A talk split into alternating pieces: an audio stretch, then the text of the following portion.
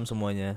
Selamat datang kembali di podcast Palang Hitam. Masih bersama dengan gue Dimas. Dan gua Arik Hari ini adalah episode ke 13 dari kita. Ai, banyak tuh angka sial. angker tuh 13. Iya. Tapi mudah-mudahan ini bukan kesialan, melainkan keberuntungan. Hai. Gimana kalian kabarnya sehat? Apakah terjadi sebuah Sebuah apa itu? Sebuah sebuah gejolak? Aduh, banyak perdebatan juga nih, Cin, Apa nih? mengenai isu liburan nih. Oh iya liburan. Liburan akhir tahun kita terancam punah, Bro. Cuma tiga hari diambilnya. Tapi itu emang udah SK udah keluar SK-nya ya? Udah, udah keluar SK-nya. Berarti Tapi apa berarti nama? kan jatahnya kan nambah dong. apa nih? Ya, jatah cutinya nambah lah kan yang harusnya tahun ini cuma tiga Oh, karena iya. itu tiga diambil kan jadi untuk kalian yang mau udah tahu ini sekarang langsung tuh cepet-cepet tuh ambil cuti Jumat Sabtu Minggu Jumat Sabtu Minggu tuh gitu jadi berasa Desember tuh Desember ceria Nah, Woi, gitu. cakep. Biasanya Desember juga pada turun bonus nih. hmm. Hmm, tapi kalau kita sih enggak ya. kalau nggak turun bonus jadi desetment Aduh, boleh juga tuh. Hmm. Tapi tadi dengar-dengar kayaknya Mas Bacin lagi ada kesibukan apa di kantor tuh? Eh, biasa nyambi.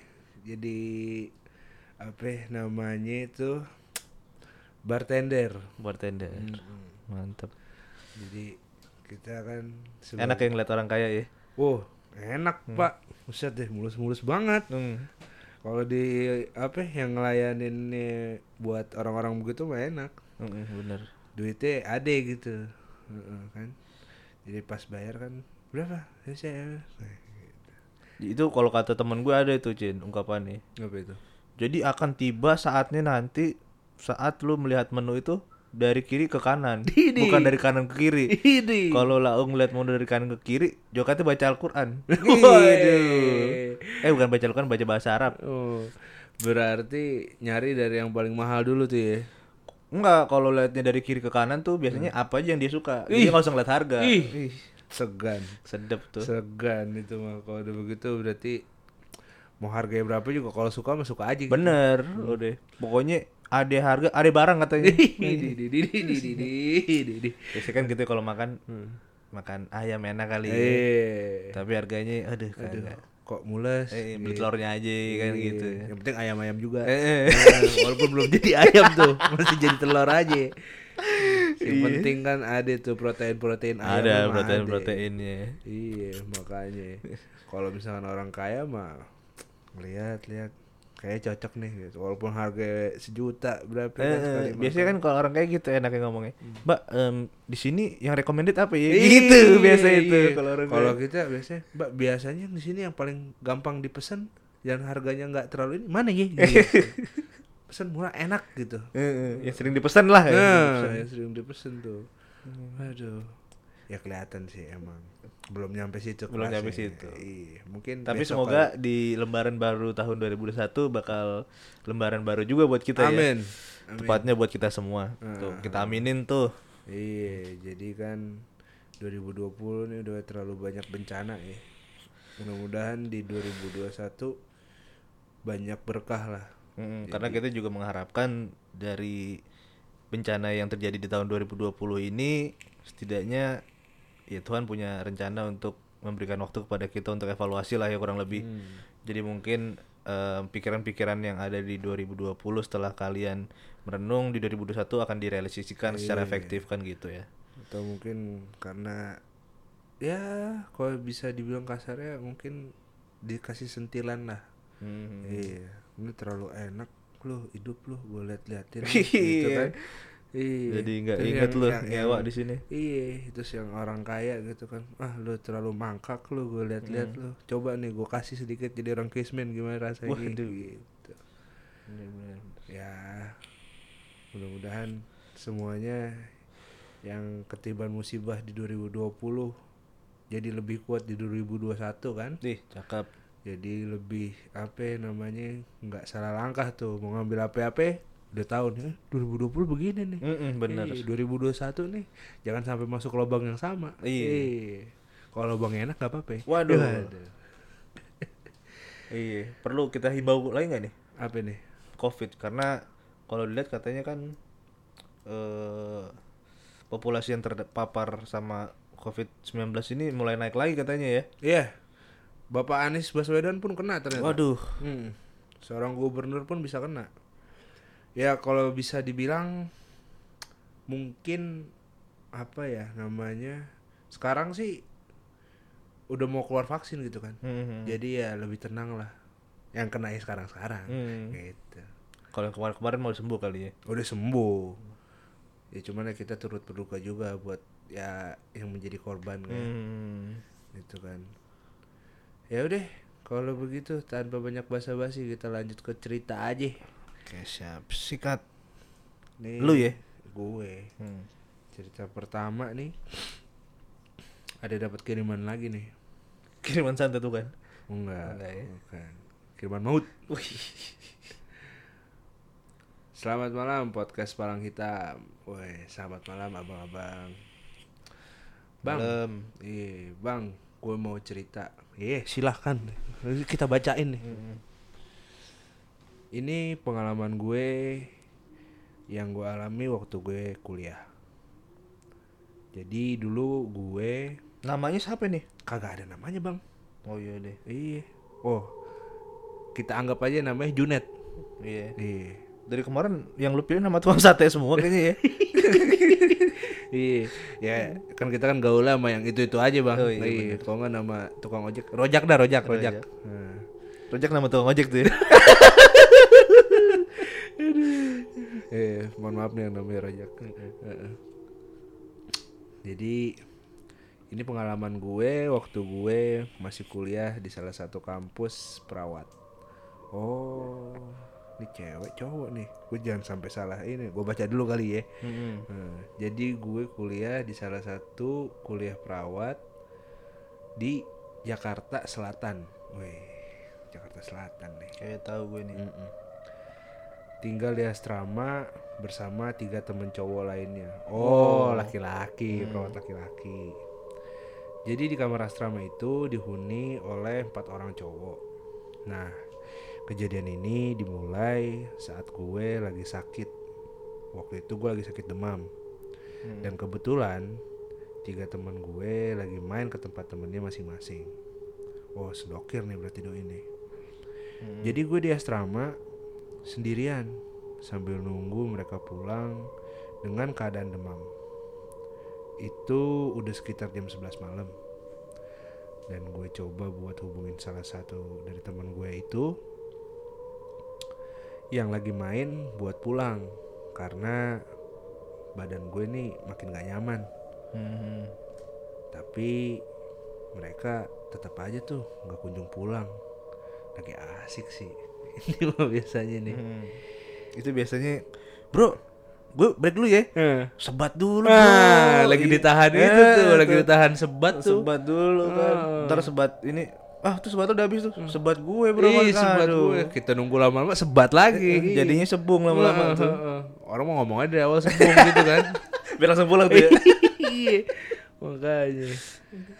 Akhirnya gue memutuskan untuk istirahat dan mengunci pintu.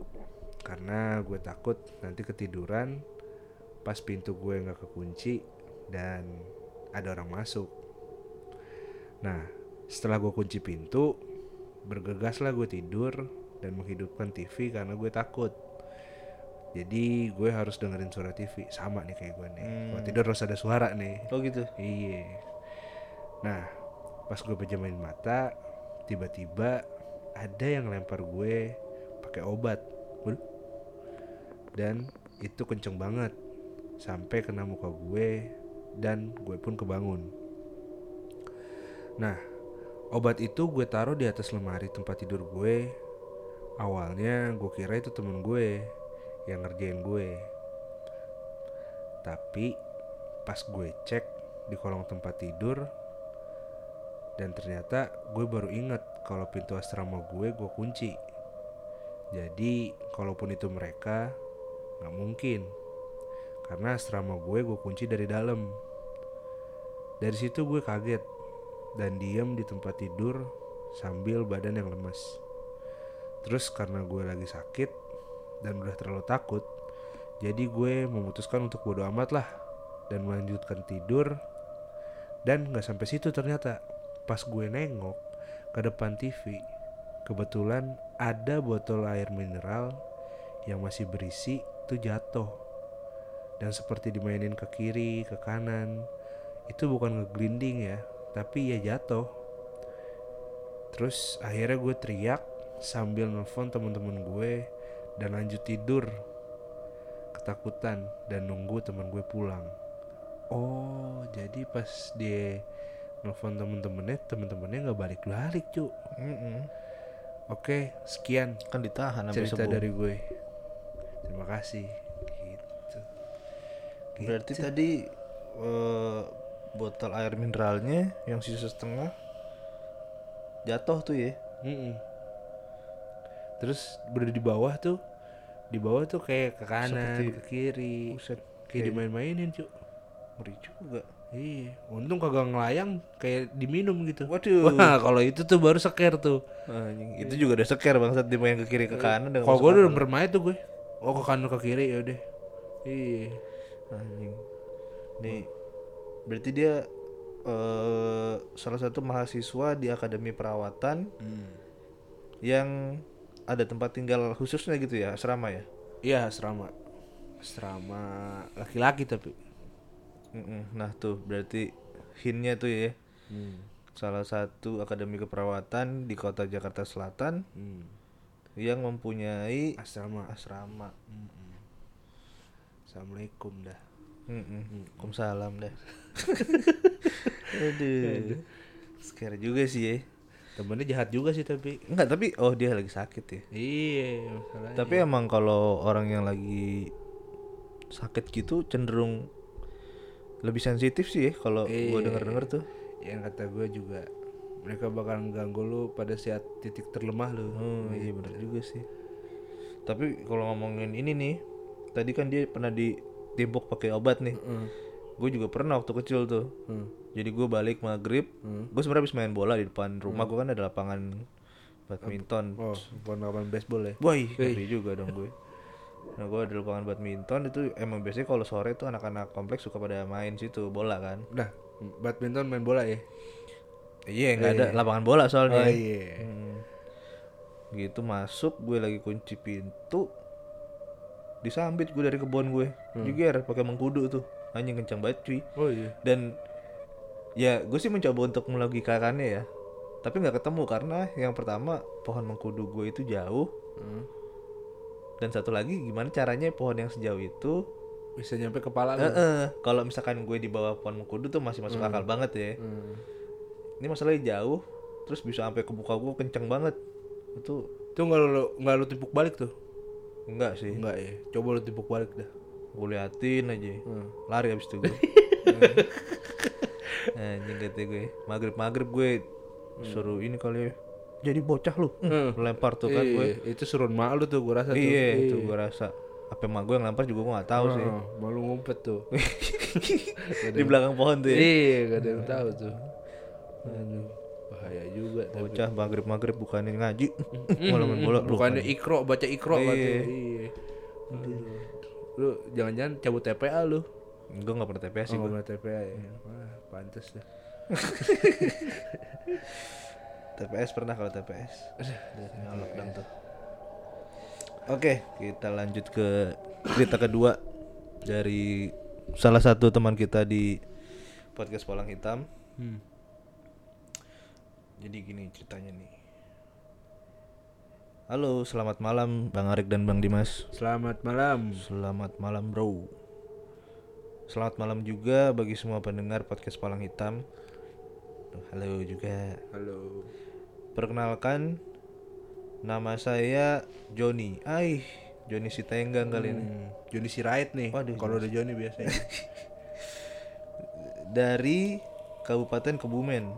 Aih Kebumen kabupaten ya berarti bukan si Tenggang nih kabupaten nih Kabupaten ya Ya. Bener kayaknya deh Oke Mas Joni Kebumen namanya keren juga tapi ini iya untung tadi kalau Referensinya luar negeri kali iya oh bapaknya orang Batak biasanya tuh Oh gitu ya Heeh. kan Sirait Oh iya. Oh, iya. Tapi kalau Batak ngomong Batak logatnya Kebumen gimana itu? Belum ngerti gue. Belum tuh. belum ngerti gue. Jadi cerita ini sebenarnya udah rada lama ya. Tepatnya kejadian ini terjadi pada tahun 2005. Jadi waktu itu saya pernah tinggal di sebuah perumahan dari perusahaan tempat ayah bekerja. Saya ingat betul waktu saya menempati rumah dinas dari ayah saya ini, saya masih berumur lima tahun. Mm-mm. Pada malam itu, pada malam itu, pada suatu malam kali ya. Pada suatu malam, sebenarnya semuanya terasa biasa aja. Kita melakukan aktivitas masing-masing seperti biasa. Jadi pada malam ini, saya dan ibu saya menonton di TV. Eh, saya dan ibu saya menonton TV di ruang tengah. Em, saya dan ibu saya duduk di atas sofa yang berada tepat di depan TV. Hmm. Saya masih ingat waktu itu saya baring berbaring di atas paha ibu saya. Tepat pada pukul setengah sepuluh malam, kebetulan yang ada di rumah hanya saya dan ibu. Sedangkan ayah saya sedang berjaga di pos komplek. Biasanya bapak-bapak nih, Ronda nih. ronda nih main Iya. catur biasanya nih. Apal bener, Main cemek kali. main cemek. Nggak ada cemek kali zaman dulu. mah. Gak ada cemek ya. Oke, Eh, nggak lama kemudian dari saat ibu saya dan saya menonton TV itu tiba-tiba listrik padam Waduh. dan saya pun terkejut. Sontak saya langsung memeluk ibu saya karena saya ketakutan. Ibu pun berkata, nggak apa-apa, nanti juga lampunya nyala lagi kok. Sambil mengelus-ngelus kepala saya dan menenangkan dengan perlahan-lahan sambil mengeluarkan suara. Oke. Dengan kehangatan yang ibu berikan, saya pun mulai merasa baikan. Sampai tidak lama kemudian, pintu kamar tidur yang berada tepat tidak jauh dari saya, yang tepatnya ada di sebelah kanan saya, perlahan terbuka dan disusul dengan seseorang yang keluar dari dalam kamar itu. Ih, padahal kan Cuma berdua tuh. Iya dia berdua nonton TV bokapnya lagi di Lagi ronda. lagi ngeronda. Orang itu bertubuh bercahaya yang mengeluarkan warna putih yang menyilaukan mata saya. Waduh. Dan yang lebih mengejutkannya lagi, orang itu ternyata tidak memiliki kepala. Aduh. Saya lihat jelas bahwa tubuhnya hanya ada dari bagian leher sampai kaki saja, tanpa ada kepala. Deg-degan gue baca ini. Perlahan dia menuju kamar kami. Satu demi satu ruangan disusurinya. Lalu ibu saya akhirnya ngeh juga nih bahwa ada makhluk itu. Hmm. Dan ibu saya mengira mungkin itu papa udah pulang ya. Jadi ibu saya teriak, Pak sudah pulang kah? Nah, kemudian ibu saya tuh terdiam sangat lama sambil eh, mengelus-ngelus kepala saya. Em, karena mungkin karena si ibunya ini ngelihat respon ayahnya nggak jawab, Hmm. terus ibunya itu ngomong kayak "Eh, sebentar ya nak, ibu mau ambil lilin dulu di belakang. Hmm. Gitu. Ya udah, saya hanya bisa mengangguk. Setelah itu, ibu mengangkat kepala saya dan merebahkan kepala saya di atas sofa. Tidak lama kemudian, saya merasa ada seseorang yang menduduki sofa tepat di kepala saya. Posisinya persis seperti yang tadi ibu saya lakukan. Lalu saya pikir itu ibu saya yang sudah mengambil lilin. Tapi saat itu masih saja gelap gulita. Sontak saya bertanya ke ibu, Bu, lilinnya mana? Ibu hanya menjawab dengan mengeluarkan suara dari mulutnya. Ai, sembari mengangkat kepala saya dan menaruhnya di atas pahanya lagi. Hmm. Tapi ketika ibu saya memegang kepala saya, mengelus-ngelus kepala saya lagi, kali ini tangannya terasa lebih dingin dan sangat berbeda seperti pertama kali ibu saya mengelus-ngelus saya. Tapi karena saya setengah mengantuk, jadi ya saya pikir mungkin memang karena cuaca sedang dingin saja. Jadi tangan ibu saya jadi agak dingin gitulah. Saya mendengarkan ibu saya menyanyikan lagu Nina Bobo. Eh, Aduh. waduh, soundtrack kita tuh. Ai. Aduh, mana tuh ngabur gua kan. Nah, yang bahkan ibu saya tidak pernah sekalipun menyanyikan lagu itu untuk saya. Tapi karena saya mengantuk, jadi ya sudah saya tidak terlalu memperdulikan.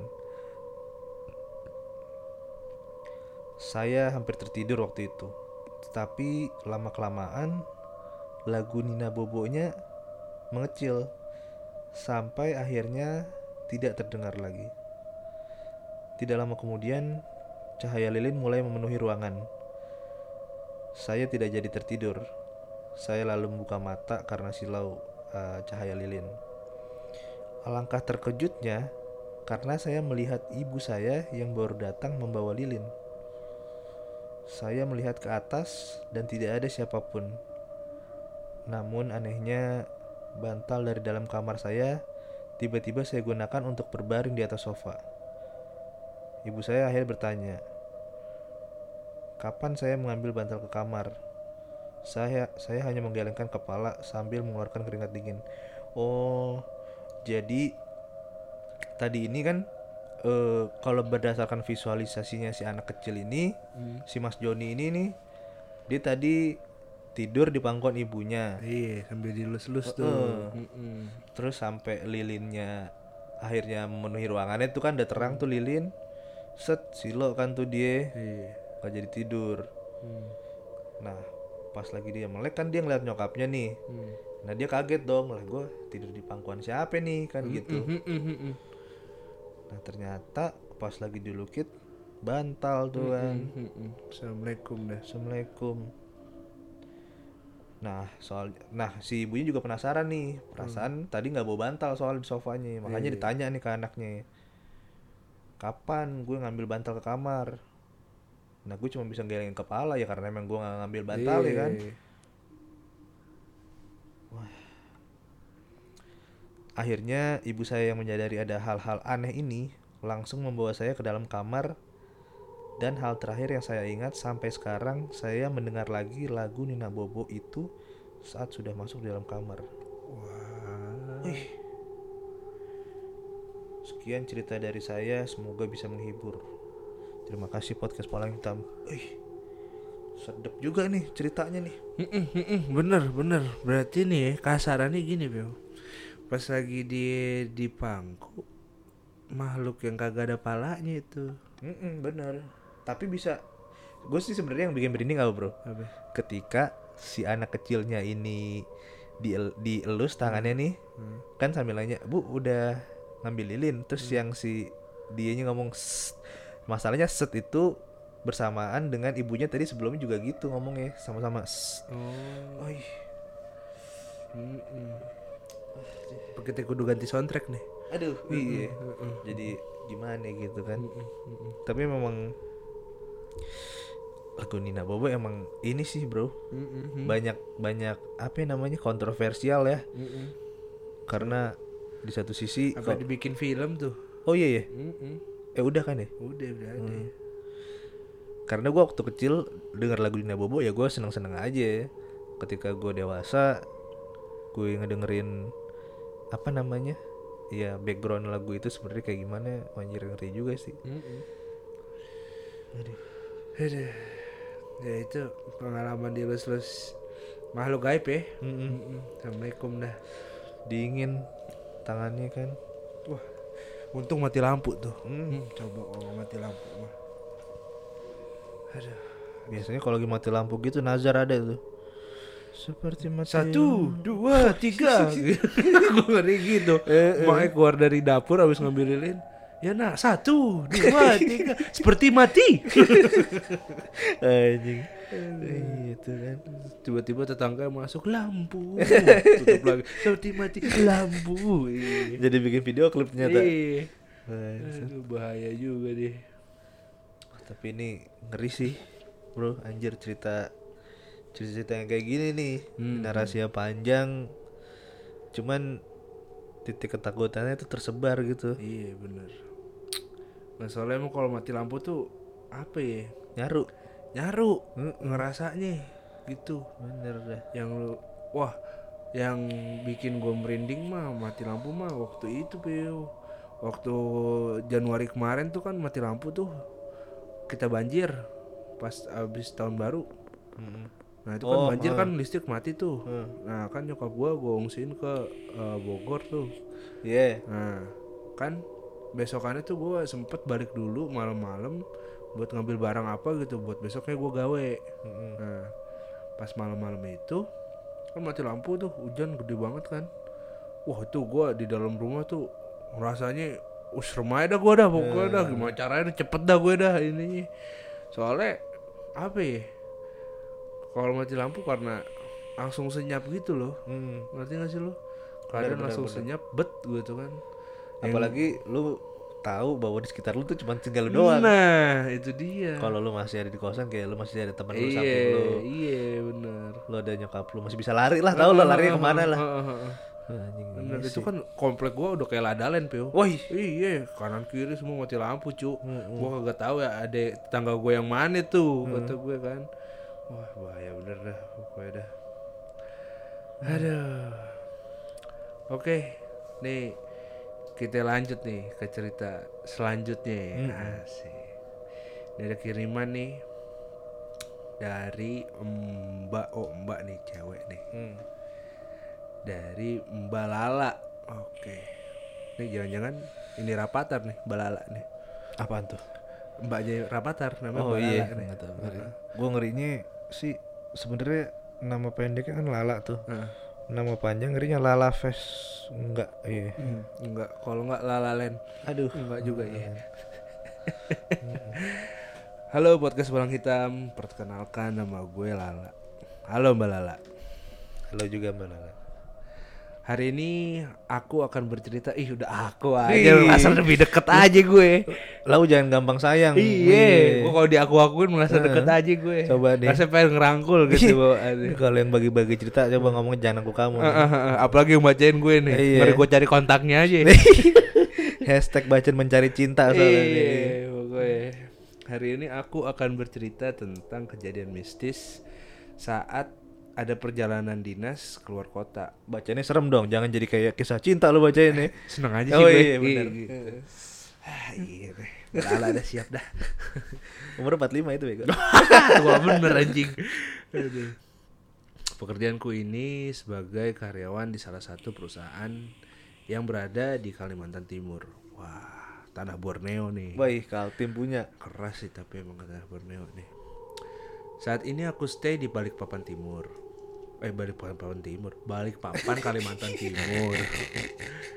Sebenarnya aku memang asli dari Kalim- dari Kalimantan. Waduh. Kalimantan nih Mbak Lala. Hati lo. Tepatnya Gadis Banjar, Kalimantan Selatan. Tapi karena pekerjaan jadi tahun lalu aku dipindahkan ke kantor pusat yang berada di Balikpapan. Pengalaman mistis ini terjadi di awal tahun 2017. Waduh, 2017. Wih, tuh weird nih. Apa yang tuh? Iya, kejadiannya 2017 udah gawe, Bro. Gue udah 2017 baru lulus. Beda setahun mah. Iya, bener. Ya kalau dia kerjanya sambil gawe, eh Oh, kerjanya sambil gawe, kerja sambil kuliah. Oh iya benar. Saat itu ada tugas di daerah Kalimantan Selatan. Dengan senang hati aku pun menerima tugas ini karena Kalsel adalah kampung halamanku. Wih deh, balik balik kampung ceritanya.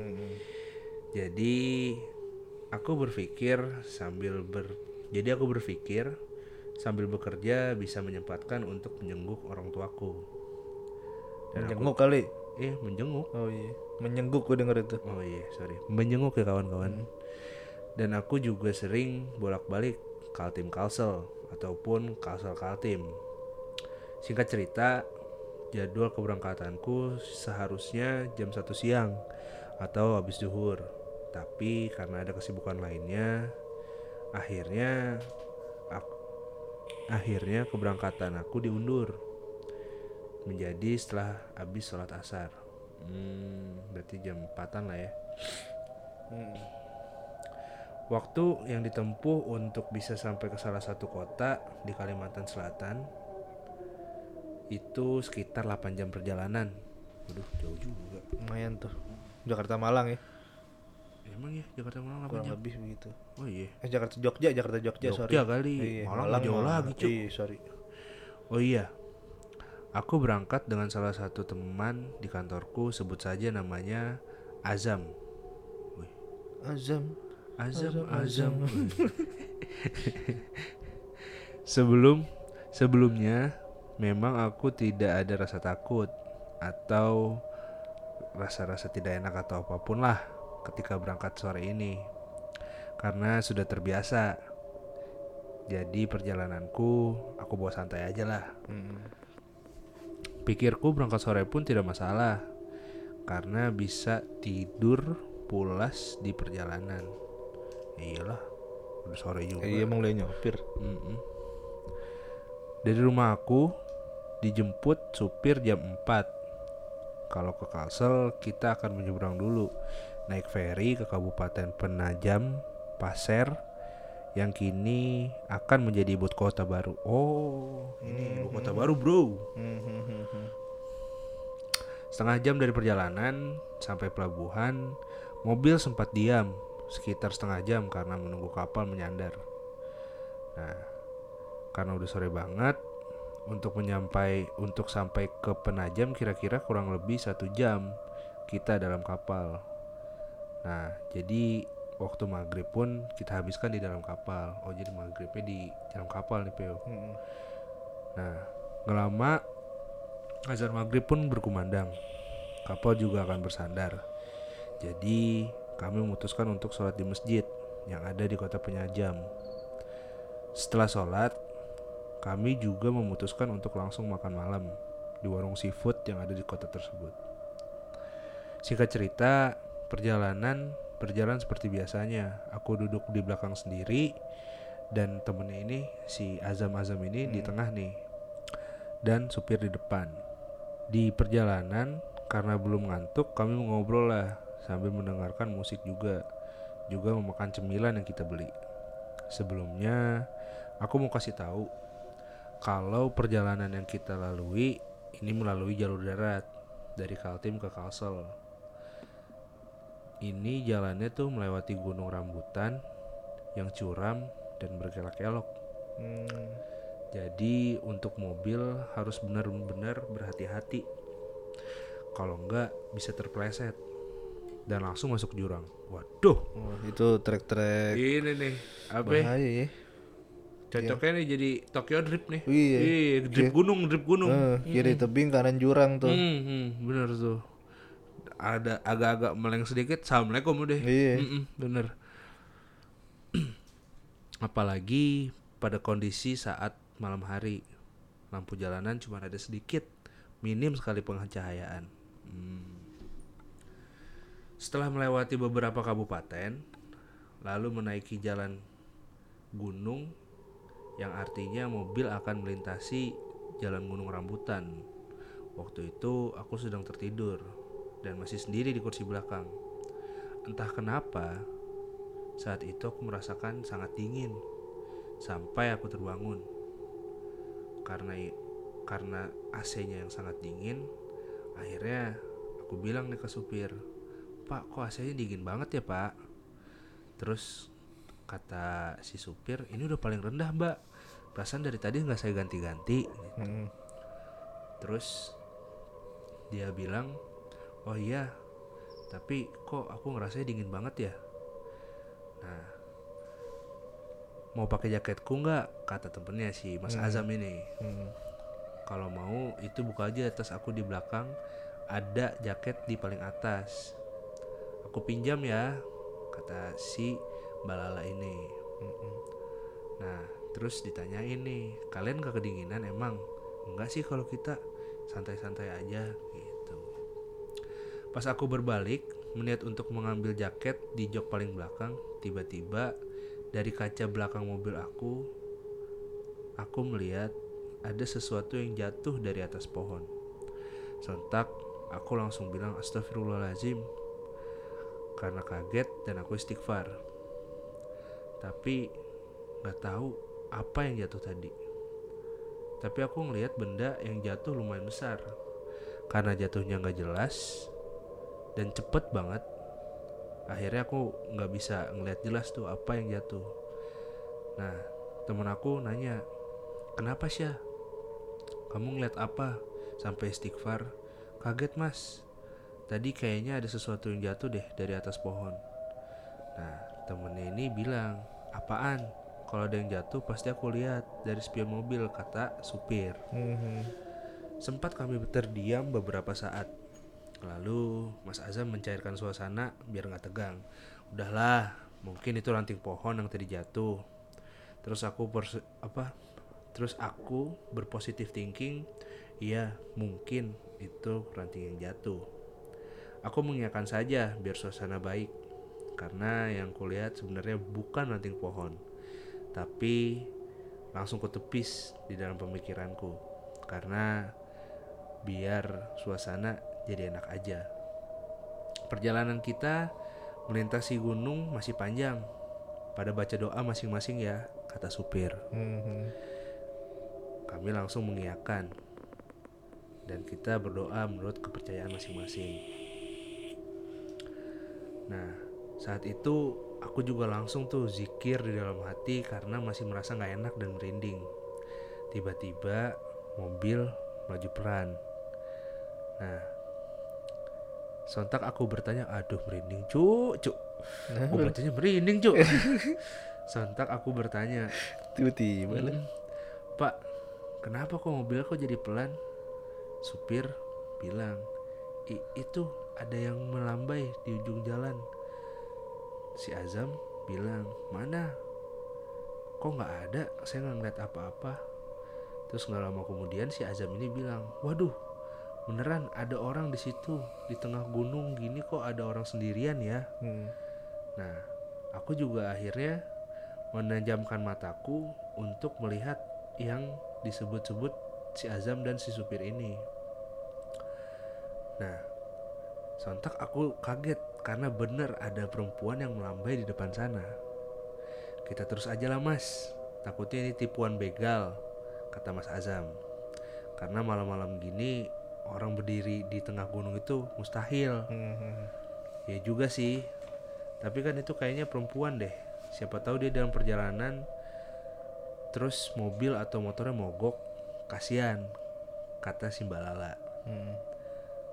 Benar saja, ketika mobil kami mulai mendekati orang itu, terlihat seorang wanita yang usianya lebih tua dariku menenteng tas di bahu dan ada sepeda motor di dekatnya.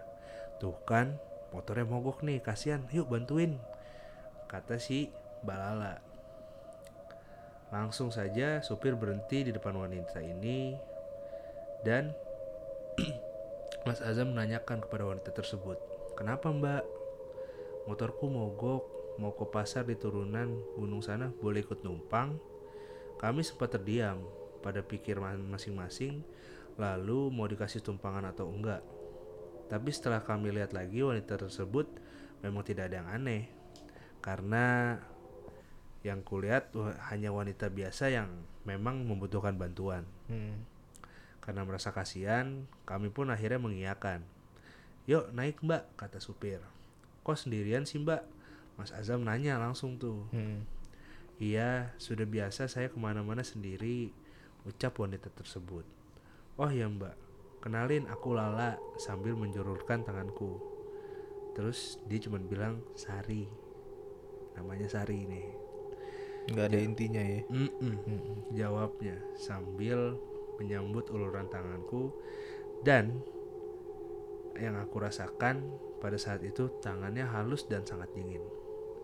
Karena kami melepas jabat tangan, tiba-tiba oh selepas aku melepaskan jabatan tangan tersebut, Hmm. tiba-tiba aku mencium aroma melati yang sangat pekat.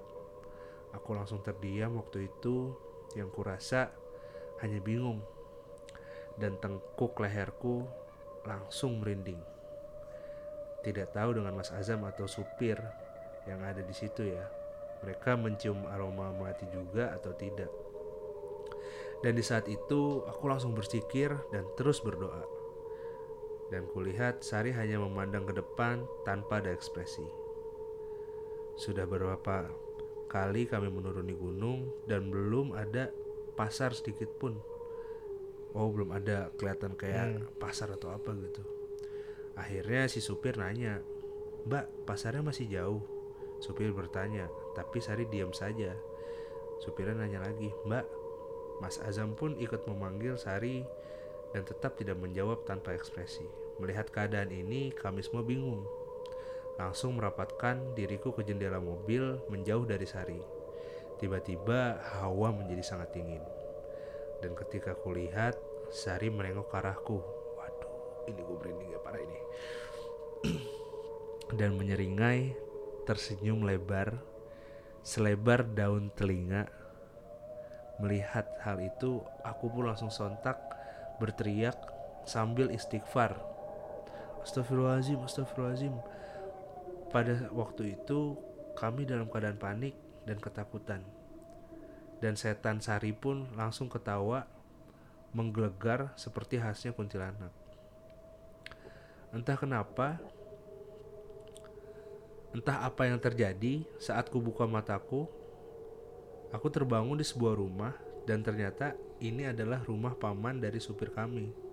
Ternyata aku pingsan.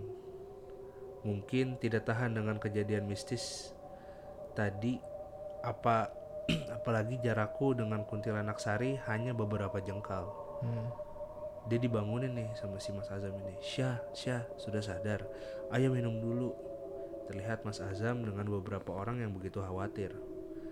Mereka adalah paman, tante, dan keponakan Om Supir. Alhamdulillah, akhirnya mereka Alhamdulillah suruh mereka berbarengan. Oh, maksudnya Alhamdulillah yang lain pada ngomong Alhamdulillah. Hmm. Alhamdulillah udah nggak apa-apa sih ya. Kita di rumahnya paman Rido. Nama supir kami. Oh, sama supirnya Rido. Nama mbaknya Lala tadi ya. Mm-mm. Mas, setan, aku teriak karena masih ketakutan. Wajar lah ya, karena ini pertama kaliku mene- menemui makhluk gaib dan duduk berdekatan pula. Hmm. Ya ya udah nggak apa-apa mbak, setannya udah pergi. Saut paman om. Oh saut pamannya om supir kami. Hmm. Ternyata setelah penum setelah penumpang yang kami bawa berubah wujud, Om Supir dan Mas Azam langsung berdoa sambil menyetel murotal di audio mobil. Melihat aku yang tak sadarkan diri, mereka panik dan kebetulan sudah memasuki kabupaten yang di situ ada rumah paman supir. Mereka langsung berhenti di sana dengan kejadian yang ada ini. Oh, apa sih ini? Sulit ya agak sulit. ya. Teruskan. Dan kebetulan sudah memasuki kabupaten yang di situ ada rumah paman supir. Hmm. Langsunglah mereka memberhentikan mobil di sana. Dengan kejadian yang sangat menakutkan ini, kami memutuskan untuk bermalam di rumah paman dan melanjutkan perjalanan untuk besok pagi. Karena ini juga aku tidak mau lagi bila ada kerjaan yang harus melintasi gunung rambutan. Berangkat petang dan selalu berangkat pagi akhirnya agar tidak kejadian seperti ini lagi. Sekian cerita dari saya. Mohon maaf kalau misalkan ceritanya berantakan. Thank you. Waduh. Panjang ya ceritanya ya. Tapi emang kalau misalkan di Kalimantan tuh kayak emang terkenal kuntilanaknya sih, cu. Dari Kalimantan ceritanya jauh bener bro. Iya. Maksud gua gua dengar cerita dari Kalimantan banyak emang cerita kuntilanak sih. Iya. Heeh, heeh. Bener. Kalau Palu tuh di mana ya Palu ya? Kalimantan kan ya? Sulawesi. Oh Sulawesi ya. Hmm. Aduh, Kagak dia si peta itu kecil kagak belajar peta buta sih lu. Eh, gue pas lagi belajar peta dulu sakit bro. Alasan tapi bener aja. Oh. Makanya nonton Dora Udah biar ketemu aku peta. Eh, enggak ya. kurang. Terus terus. Iya, duduknya di sampingnya si Sari. Nanya, Mbak, pasarnya mana ya? Mbak, Mbak, kagak jawab-jawab. Nengok dah tuh dia ke si ini. Lala. Si Lala Len. Si Lala cuma ngeliat tiba-tiba senyum-senyum sampai kuping senyumnya ya Allahu Akbar ketawa lagi dah. Anjing tapi itu untung Kalau gua rasa nih ya. Kuat anjing. Eh iya cuk Maksud gue nih Lebih serem ketemu Setan senyum cuk Daripada setan diem dah Coba Iya. dah Bayangin dah Setan diem aja kita mabur anjing Mungkin kalau setan diem mindset kita masih kayak setan nih bodoh amat tapi kali ya. Ini kalau senyum berarti dinanggepin maksudnya nih. Eh, Setan senyum Ketawa Aduh Tapi sayangnya tadi Mbak Lala nggak cerita tuh ya. Maksudnya pas lagi dia blackout tuh Iya ke mana tuh Heeh.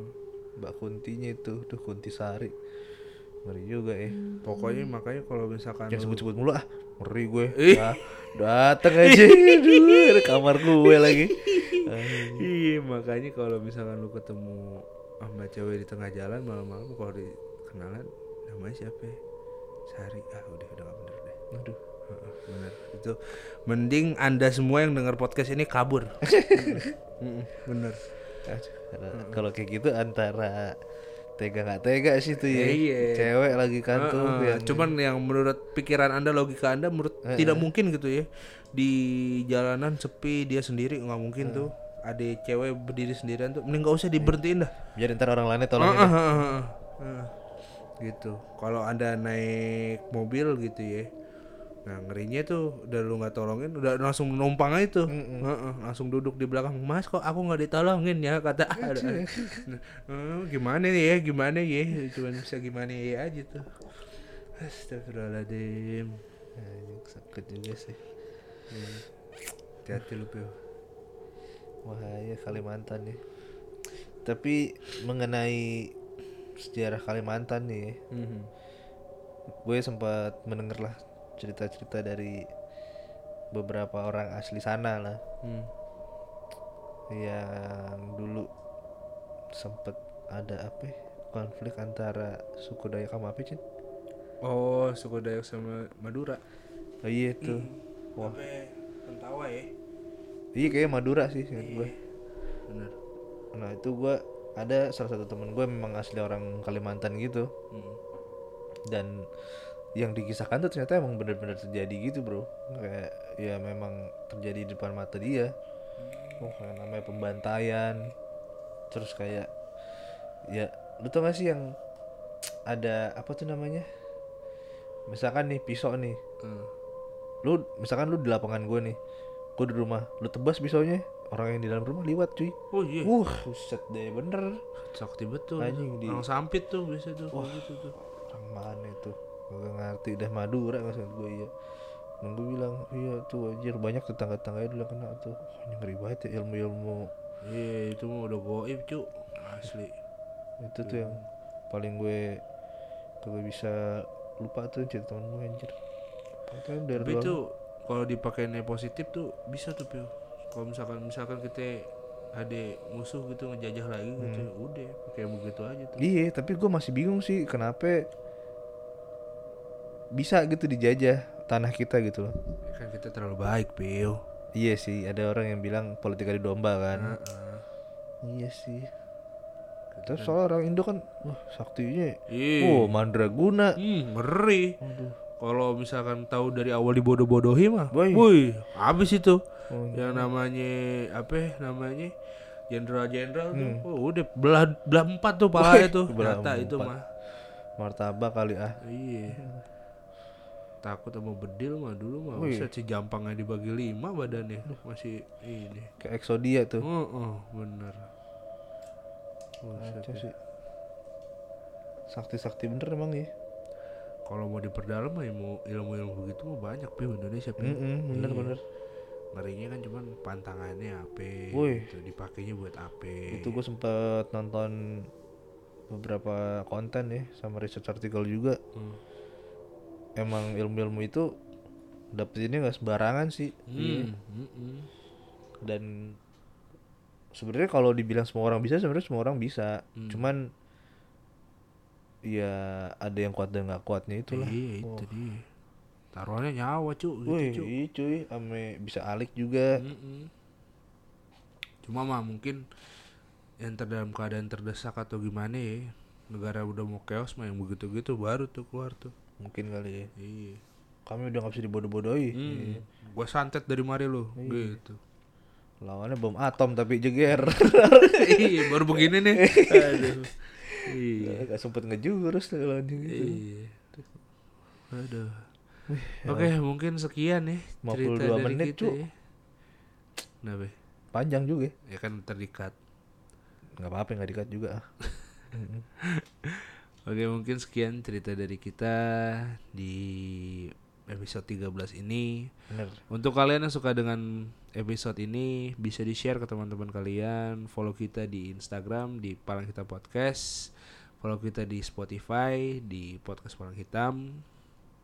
Dan apabila kalian mempunyai cerita-cerita seputar horor, boleh cerita kalian, kerabat kalian ataupun keluarga kalian bisa bagi cerita kalian sama kita. Caranya tinggal klik link yang ada di bio Instagram kita. Nanti kalian akan langsung di direct ke Google Form. Nah, nanti kalian tinggal cerita aja di situ. Langsung kita bacain nanti. So pada saat mendengarkan kami berdua Jangan dengarkan sendiri.